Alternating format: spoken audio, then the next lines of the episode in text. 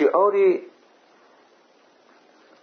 اصحاب کرام و شعار پیامبر صلی الله در اون زمان این آیت 28 سوره کهف بود که اعوذ بالله من الشیطان الرجیم. واصبر نفسك مع الذين يدعون ربهم بالغداة والعشي يريدون وجهه ولا تعد عيناك عنهم تريد زينة الحياة الدنيا ولا تطع من أغفلنا قلبه عن ذكرنا واتبع هواه. وكان أمره فرطا. يعني ترجمه این آیت چنین است که و با کسان و با کسان باش که پروردگار خود را هر صبحگاهان و شامگاهان می‌خوانند دعا می‌کنند و تنها وجه او را میطلبند. یعنی خالصانه تنها وجه او را میطلبند. این تعلیمشون این تربیهشون برای بالاگذاری برای یگان منصب برای منافع دنیایی نیست. تنها وجه او را رضای او الله تعالی را میطلبند. و هرگیز به خاطر زیورهای دنیا برای مال دنیا زیورهای دنیا چشمانت از آنها چشمانت را از آنها برمگیر. و پیروی نکن از کسانی که دلهایشان را از یاد خود غافل ساختیم از اون کسی که دلهای اونها به یاد الله نیستن خداوند میگه اونها رو غافل شو کردیم از آنها پیروی مکن. و هوای نفس خیش را پیروی کردند. آنها رو هم خداوند میگه که ما آنها رو غافل ساختیم. و تبع هواه و از هوای نفس خیش را اون کس پیروی کرده آنها پیروی کردند و و کن امروه فروتا و کارهایشان از حد گذشته یعنی برباد است. از حد گذشته و برباد است. این آیه کریمه پیامبر خدا صلی الله علیه وسلم رو امر می‌کند که صبر رو پیشه کند صبر رو در چی؟ در تقصیرات و کوتاهی ها و خطاهایی که از جانب کسانی که دعوت رو قبول کردند و آمدند. یعنی درست است او امروز قبول کرد که به خدا ایمان میارد به رسول خدا ایمان میارد شهادت می‌دهد که نیست اله جز الله سبحانه و تعالی. و شهادت می‌دهد که پیامبر بنده و رسول الله است. ولی به مجرد شهادت دادن اون همه اسلام را نمی‌داند. ممکن است که اون معلومات ها و اون فرهنگ و اون تربیه که پیش از اسلام داشت در اونجا همه اون طور باقی هست. به سبب اون رفتار به سبب اون کردارهایی که داشت فرهنگی پیشینه که داشت ممکن که بعضی رفتارهایی که می‌کند این رفتارهایش در میزان اسلامی کوتاهی شماریده می شود خطا شماریده می شود این امر الهی پیامبر صلی الله علیه وسلم رو امر می‌کند به صبر کردن با همین نفرانی که نو اسلام را قبول کردند به اسلام اومدن نو حالا آمدن می آموزند ممکن است از اونها کوتاهی ها سر زند ممکن است از اونها خطا سر زند پس صبر کن بر این سوال های زیادی که آنها می‌دهند به این هم صبر کن.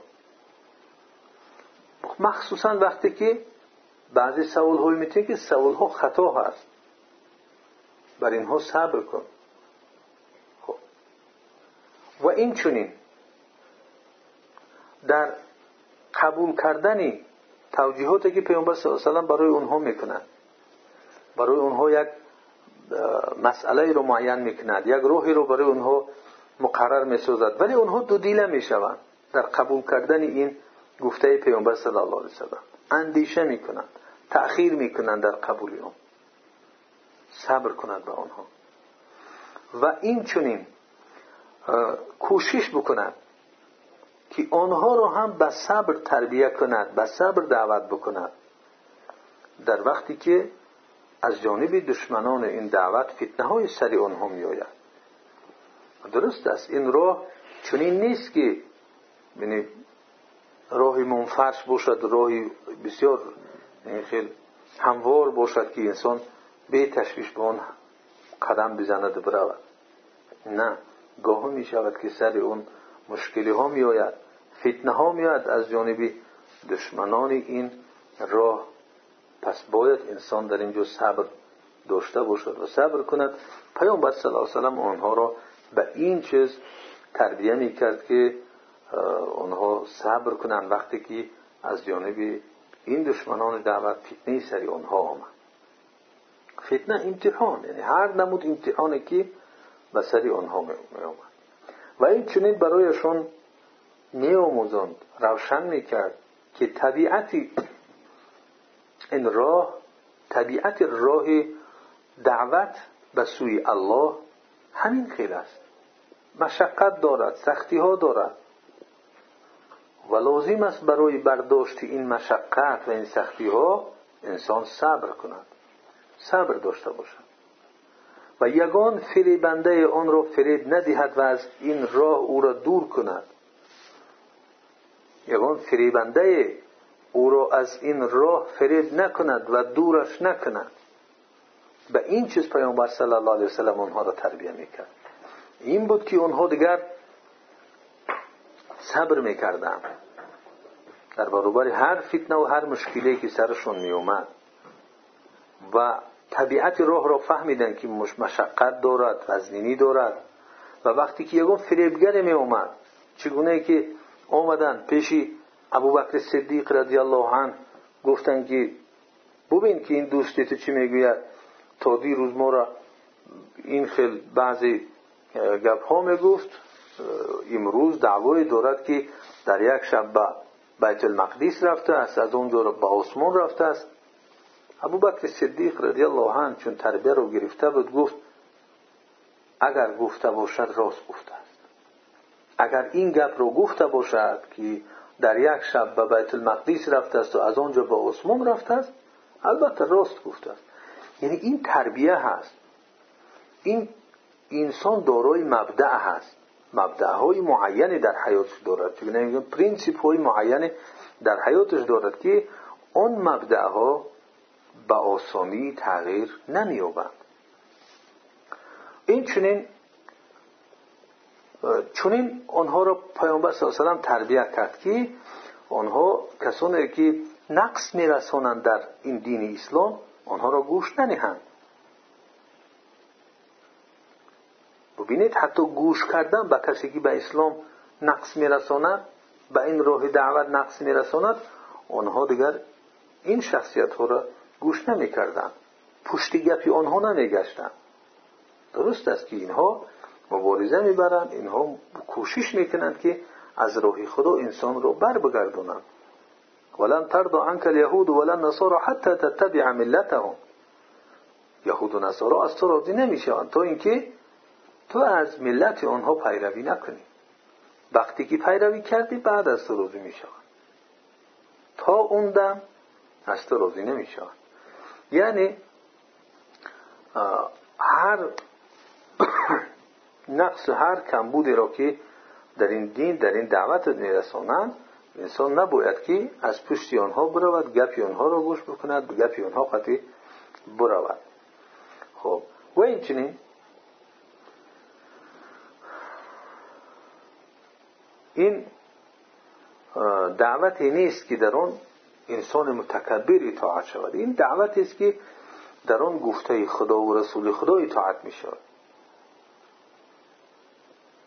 این دین دینی عدالت است دینی حکمت است دینی رحمت است.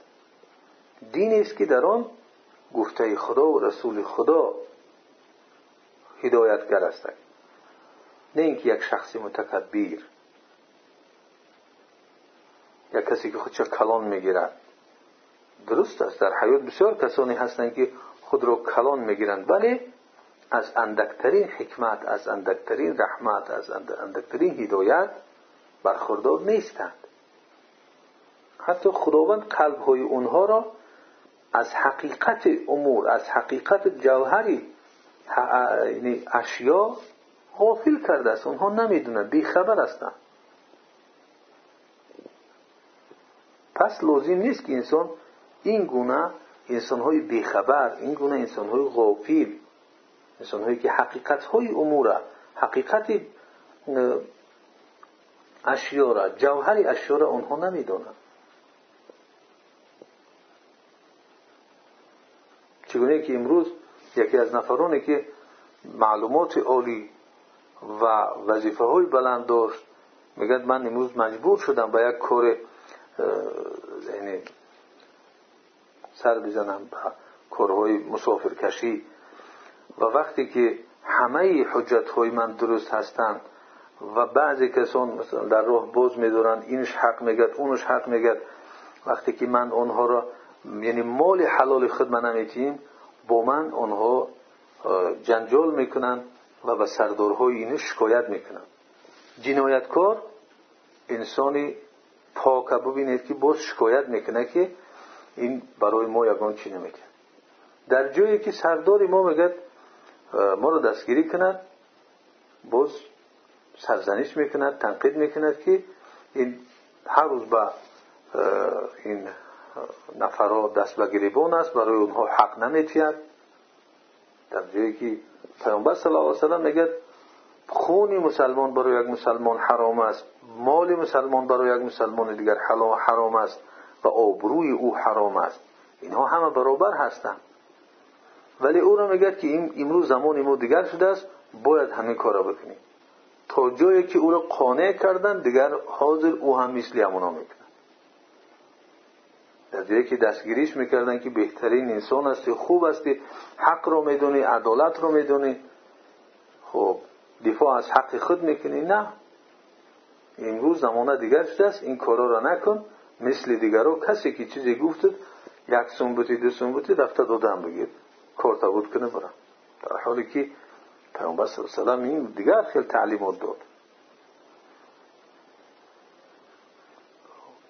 کسانی که بی خیردن کسانی که بی علمن. امروز اونها مردم توجیه می‌کنن مردم راه نشان میدن که زمانه ما دیگر شده است. یعنی زمانه حرامخوری زمانه فریبگری زمانه قلابی. نه. زمانه دیگر نشده است. انسان ها دیگر شده زمانه همون زمان است. پس اگر که راستگو باشی الله که یعنی همون زمانه زمانه راستگویی می شود امانت دار باشی امانت داری می شود خب این آیت کریمه که از سوره کهف هست گفتیم بعضی صفت های این جماعه مسلمانی که پیامبر صلی الله علیه و آنها را تربیت کرد بعضی صفت هاشون برای ما بیان می‌کند. یک صفتی که داشتن این صفتی صبر است. واصبر نفسک. پیامبر صلی الله علیه و رو توجیه داد که یعنی تو صبر کن. یعنی با این مردم صبر کن که اینها در ابتدا هستند همه چیز رو نمی‌دونند. و این کلمه صبر در قرآن کریم و در احادیث پیامبر صلی الله علیه بسیار میاد انسان ها رو خب وصیت می‌کند که بعضیش بعضیش دیگرش رو برداشت کنند صبر کنند تحمل بکنند.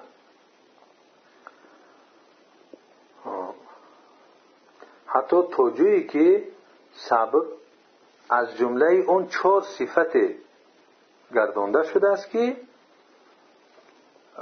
برای آن گروهی که نجات یابنده هستند از زیان چهار صفت داشتن یکی از اون صفت هاشون صبر گردانده شده است. خداوند در سوره عصر میفرماید که اعوذ بالله من الشیطان الرجیم والعصر ان الانسان لفی خسر الا الذين امنوا وعملوا الصالحات وتواصوا بالحق وتواصوا بالصبر. قسم به عصر که انسان در زیان است. به فایدهش کار نمی کند فقط در زیان است. مگر کسانی نیستن یعنی در زیان که ایمان آوردن یک و عمل الصالحات عمل شایسته کردن دو و تواصا بالحق وصیتی به حق کردن سه و تواصا بالصبر و همدیگر رو وصیت به صبر کردن. چهار. این چهارم صفت در اینجا صبر است. اینها کسانی هستند که اینها نجاتی و بنده هستند اینها زیان نمی بینند در اصل انسان اگر این صفت ها را نداشته باشد هر چیزی که در این دنیا داشته باشد و العصر این الانسان لفی خسر. جنس انسان قسم می‌خورد خداوند به اصل که جنس انسان در زیان است. هرگیز به منفعت و فایده خود کار کرده نمی‌توند مگر اینکه ایمان داشته باشد و عمل شایسته کند وصیتی به حق و وصیتی به صبر داشته باشد. نجات انسان تنها وقت می شود که خب نفسش رو انسان مکمل بسازد با این چیزها با ایمان عمل صالح و این چونین نصیحت و ارشاد کردن راه خوب رو برای دیگران نشان دادن گفتن.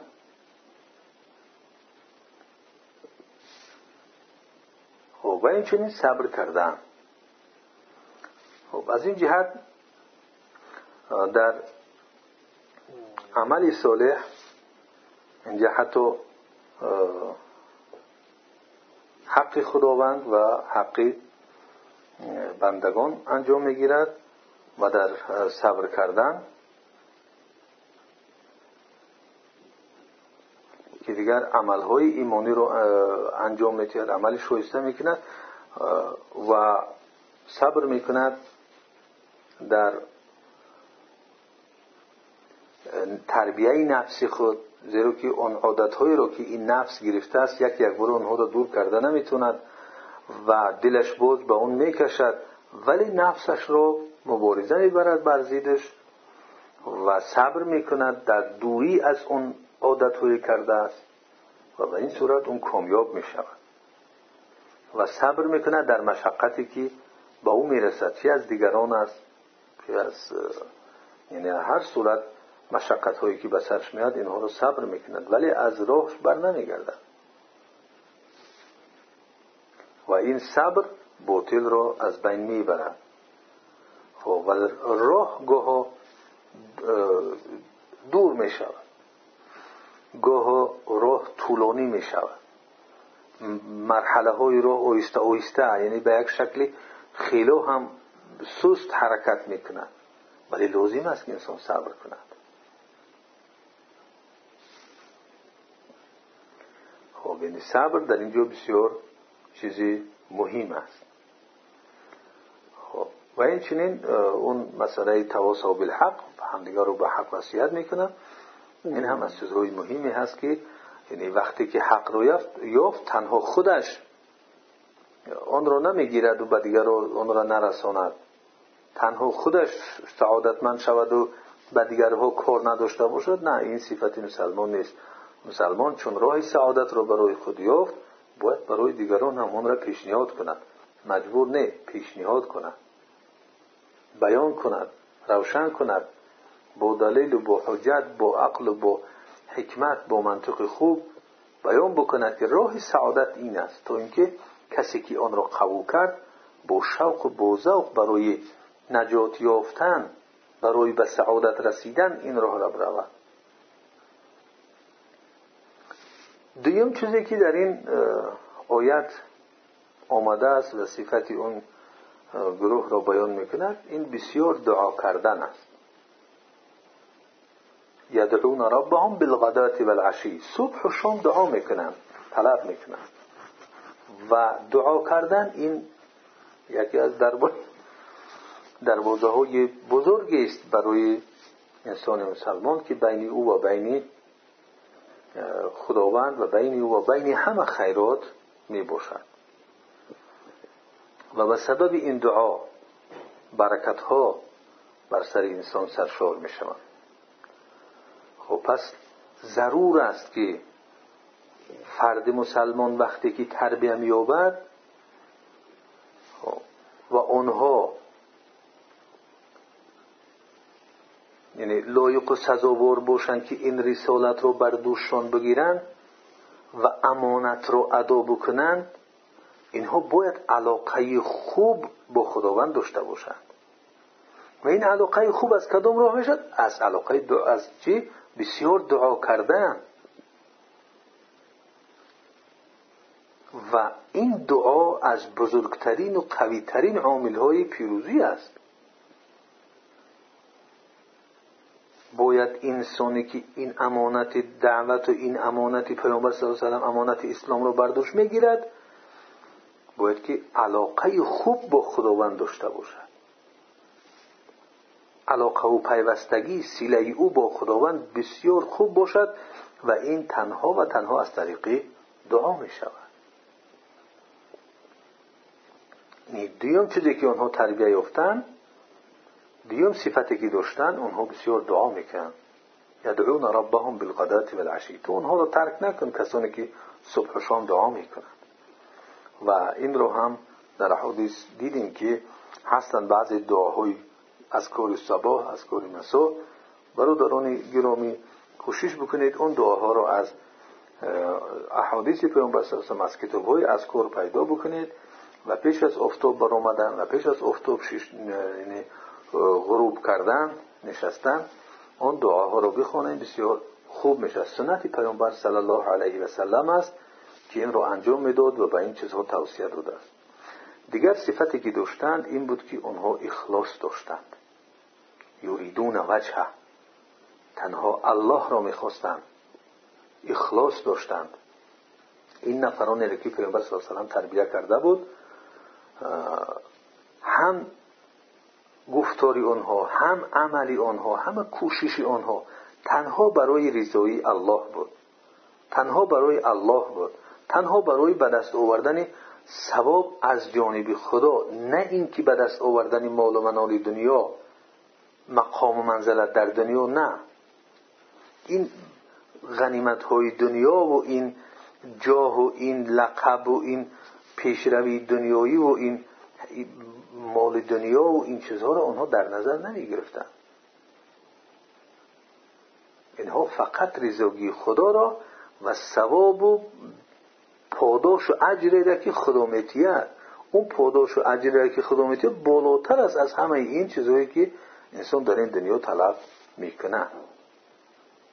چگونه که در اون آیت لسان حال اونها بیان می‌کرد که قل این صلاتی و نسکی و محیای و مماتی لله رب العالمین. لا شریک له. و بذلك امرت و انا اول المسلمین. بگو که نماز من عبادت من زندگی من مرگ من لله رب العالمین. تنها برای الله پروردگار عالمیان است که لا شریک له شریکی ندارد و من به این معمول شدم و من از جمله اولین و من اولین مسلمان ها هستم اخلاص رکنی اساسیه یا که یکی از دو رکنی عمل هست برای قبول شدنش معلوم است که عمل در نزد خداوند قبول نمی شود وقتی اخلاص نداشته باشد یکی اینکه اخلاص یکی اینکه در اساسی شریعت باشد عمل. در اساس گفته خدا و رسول خدا یعنی عملی مشروع باشد. یکم که عمل مشروع و اخلاص. این دو رکن اگر در عمل نباشد این عمل قبول نمی شود خب. دیگر چیزی که در این آیت برمیاد ثبات یعنی استواری.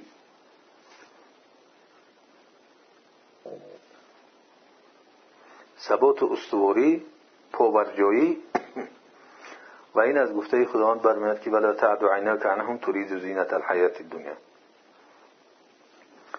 خب.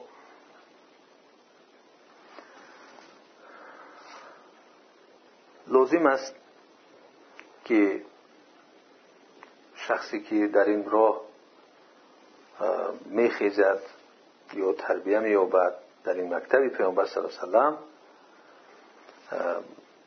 باید این, این نمونه در آن باشد که شاید در سوره احزاب آیه 23 آمده است من المؤمنین رجال صدقو از مؤمن ها مردانی بودند که آنها صدق ما عهد الله علیه اون عهدی رو که با خدا بستن اون رو یعنی صادقانه وفا کردن فمنهم من قضا نحبه و منهم من ادای عهد و پیمانشون با خداوند جانشون را دادن و از دنیا رفتند و دیگری اونی هستند که منتظر هستند و ما بدلو تبدیله آنها عوض نکردند اون عهد و پیمان خدا را نشکستند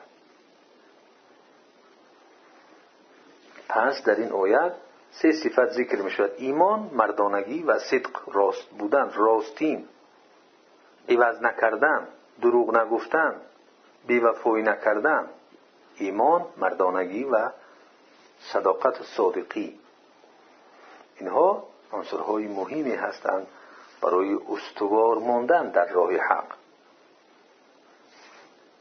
زیرا اینکه ایمان انسان وادار می‌کند که ارزش های بلند را با خود لازم بگیرد. چنگ بزند با ارزش های بسیار بلند. خب یعنی ارزش های پست قطعی یا که به ارزش زندگی نمی کند این انسان با ایمان بلکه ارزش هایی که دارد در حیات ارزش های بلند هستند. خب و برای زندگی کردن با این ارزش های بلند انسان لازم است که دیگر وقت و جان و این چیزها رو صرف بکنن تو اینکه یعنی رفتار خوب ارزش های عموما ارزش های بلند رو داشته باشد.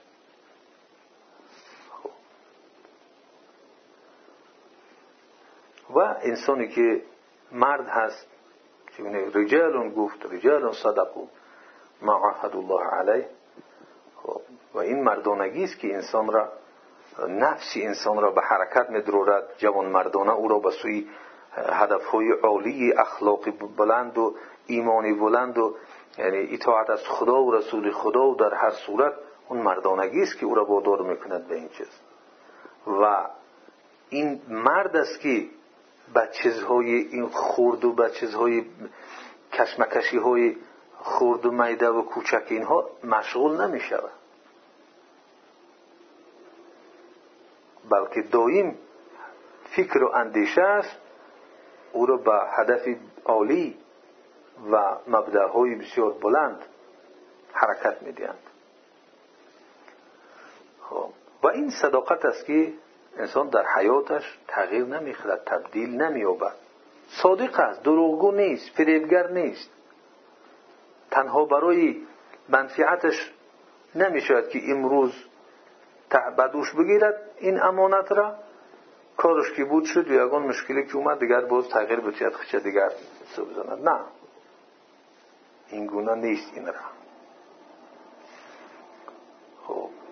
تغییر نمیتید تبدیل نمی‌کند عوض نمی‌کند. منهج فکر اندیشه عقیده اون چیزی که از راه خدا و رسول خدا مخته است.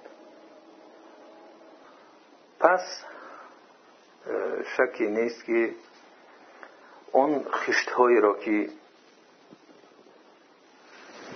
پیامبر صلی الله علیه وسلم آماده شون کرد برای بدوش گرفتن این دعوت آنها را بسیار خوب تربیه کرد و با درجه درجه و به یک شکل آهسته آهسته و در آنها بهترین صفت ها را جای کرد تا اینکه آنها سزاوار و لایقی برداشتن این امانت را گشتند و از خداوند دعا می‌کنیم که ما را نیز لایق ببیند سزاوار ببیند که از این گفته های خدا و رسول خدا و از حیات پیامبر صلی الله علیه و حیات اصحاب کرامش بیاموزیم بفهمیم تربیه بیابیم و این صفت ها را در خود جای بدهیم تا اینکه سزاوار و لایق برداشت این امانت گشته باشیم.